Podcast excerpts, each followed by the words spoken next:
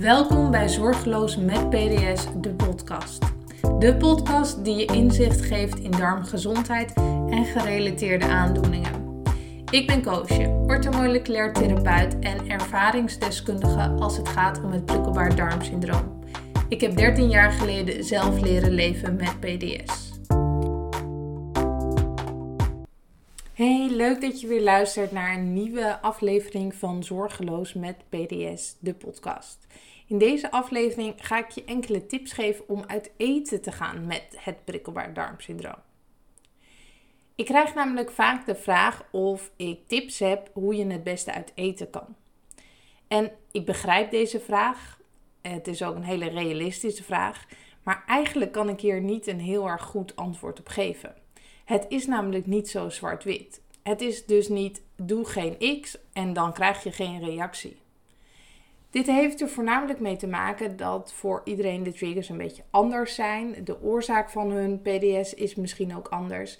En voeding speelt dan ook een andere rol bij de symptomen van jouw prikkelbaar darmsyndroom. Ik zou je nu een hele lijst met advies kunnen gaan geven over supplementen die de symptomen misschien een beetje onderdrukken of de kans kunnen verkleinen op bepaalde symptomen. Maar dit is natuurlijk wel een beetje symptoombestrijding in plaats van de oorzaak aanpakken. Maar in sommige gevallen kan het wel helpen om bijvoorbeeld spijsverteringsenzymen in te gaan nemen vlak voordat je uit eten gaat. Ik heb toch een paar tips voor je. Tip 1.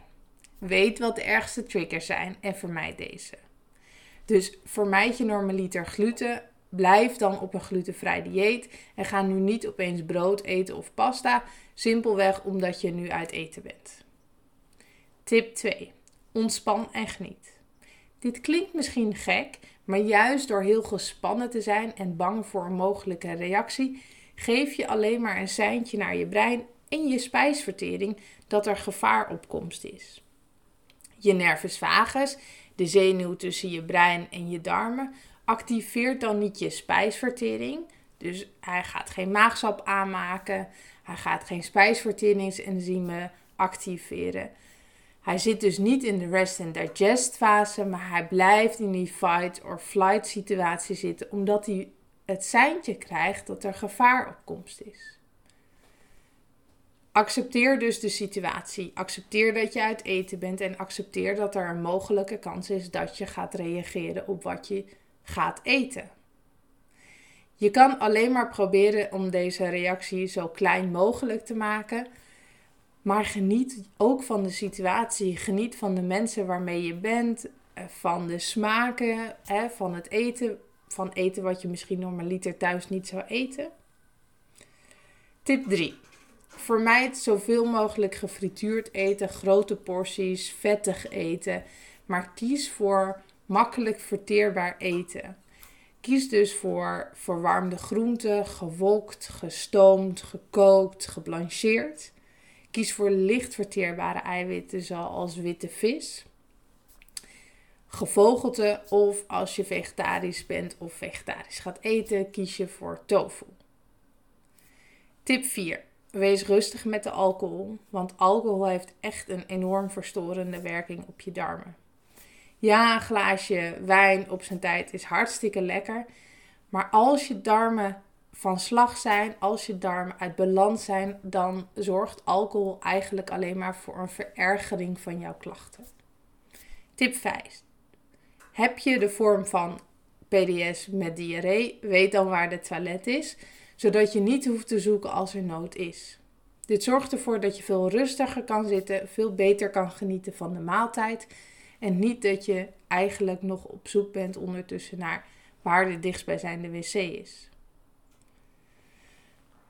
Als laatste wil ik je toch nog even het volgende meegeven. En misschien is het goed om dit een paar keer te beluisteren, om hier even over na te denken, om bij jezelf in te checken van hey, ik hoor wat ze zegt, maar hoe voelt dit nou eigenlijk voor je? Ik zie in de praktijk heel veel mensen die heel lange tijd op een zeer restrictief dieet zitten. Zij volgen bijvoorbeeld al vijf jaar lang een FODMAP-arm of FODMAP-vrij dieet. En komen dan ook eigenlijk met de vraag van hey, elke keer als ik probeer her te introduceren, dan reageer ik. Dat herintroduceren lukt eigenlijk niet.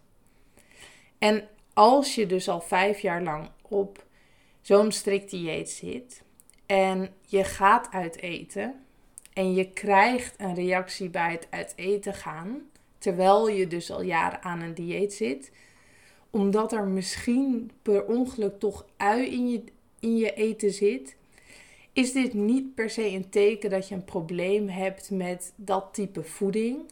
Maar is het wel een teken dat je darmen nog steeds niet op orde zijn. Dat je de oorzaak van je klachten niet hebt aangepakt. En dat het op langere termijn zelfs wel alleen maar erger kan worden. Ik ben nog steeds van mening dat een zeer restrictief dieet op lange termijn niet gezond is. Niet voor je darmen, maar ook niet voor je mentale gezondheid. Dus ja, uit onderzoek blijkt dat een laag FODMAP-dieet in 50 tot 80 procent reductie kan geven in de symptomen. Maar dat betekent niet dat je de rest van je leven op een laag FODMAP of in veel gevallen een soort zero FODMAP leefstijl moet gaan volgen. Het FODMAP-dieet is echt bedoeld om een aantal maanden tot misschien een jaar te volgen en dan echt weer te gaan herintroduceren. En eigenlijk al in de tussentijd gaan proberen om her te introduceren. Laat je hier dan ook echt goed bij begeleiden.